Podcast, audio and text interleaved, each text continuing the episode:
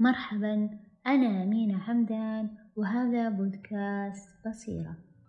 منذ زمن بعيد جدا في مكان ما كانت هنالك بلدة عالية في زاوية تبدو أقرب إلى السماء منها إلى الأرض. يحكمها ملك عادل مشهور في كافة أنحاء منطقة نفوذه بحكمه العادل بين كل الطبقات. وفي تلك المدينة عاش رجلان فقيران يفعلان كل ما في وسعهما فقد كان لكل منهما أما عجوزا يرعاها في يوم من الأيام توجه أحدهما إلى قرية في أعالي الجبال حاملا معه خابية زيت. ليبيعها لأقرب واصل إليه. وفيما كان يمشي شعر بالتعب فوضع الخابية على صخرة عند جانب الطريق وجلس ليأخذ قسطا من الراحة. وفيما هو جالس هناك نزل جاره من الجبل أمامه وقد كدس حملين كبيرين من الحطب على جانب الحمار الصغير حتى كاد أن يغطياه. الأمر الذي حال دون الحمار ورؤية الجارة فاقترب منها وصدمها بالخطأ وساح الزيت.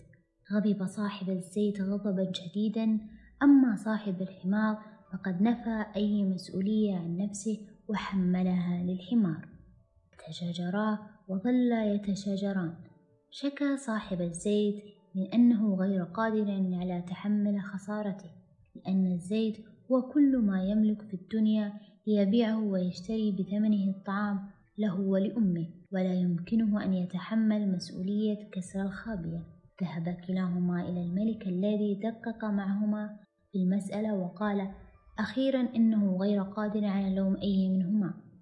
كلاهما كان طيبا وكان صادقين في معاملتهما وكل ما توصل إليه هو أن الخطأ ليس إلا خطأ الحمار والصخرة وأنه سوف يقاضيهما فقيد الحمار الصغير بسلاسل حول رجليه وحول عنقه وسيق به إلى السجن بينما أرسل الملك خمسة من رجاله لجلب الصخرة عندما أدخلوها أمر الملك أن يلفوها بالسلاسل ويربطوها إلى عمود خارج باب السجن. في هذا الوقت انتشرت أخبار هذه القضية الغريبة وأفعال الملك الشاذة في كل أنحاء المدينة حين سمع الناس أن ملكهم العظيم سيحاكم حمارا وصخرة ظنوا أنه أصيب بالجنون حتما. وفي الصباح التالي أرسل الملك جنوده ليعلنوا في المدينة أنه سيحكم في القضية.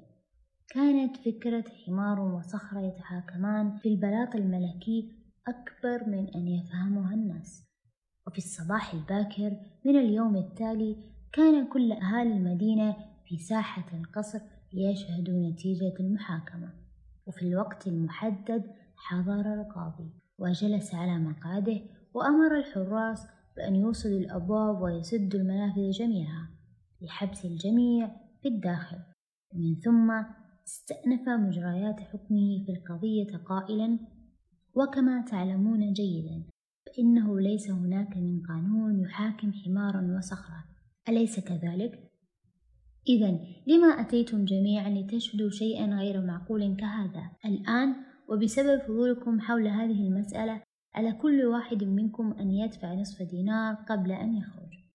فقام الناس الذين بدا عليهم الخجل بشدة ودفع كل منهما قطعة النقود الصغيرة التي قضى بها الملك وانسلوا عبر البوابة.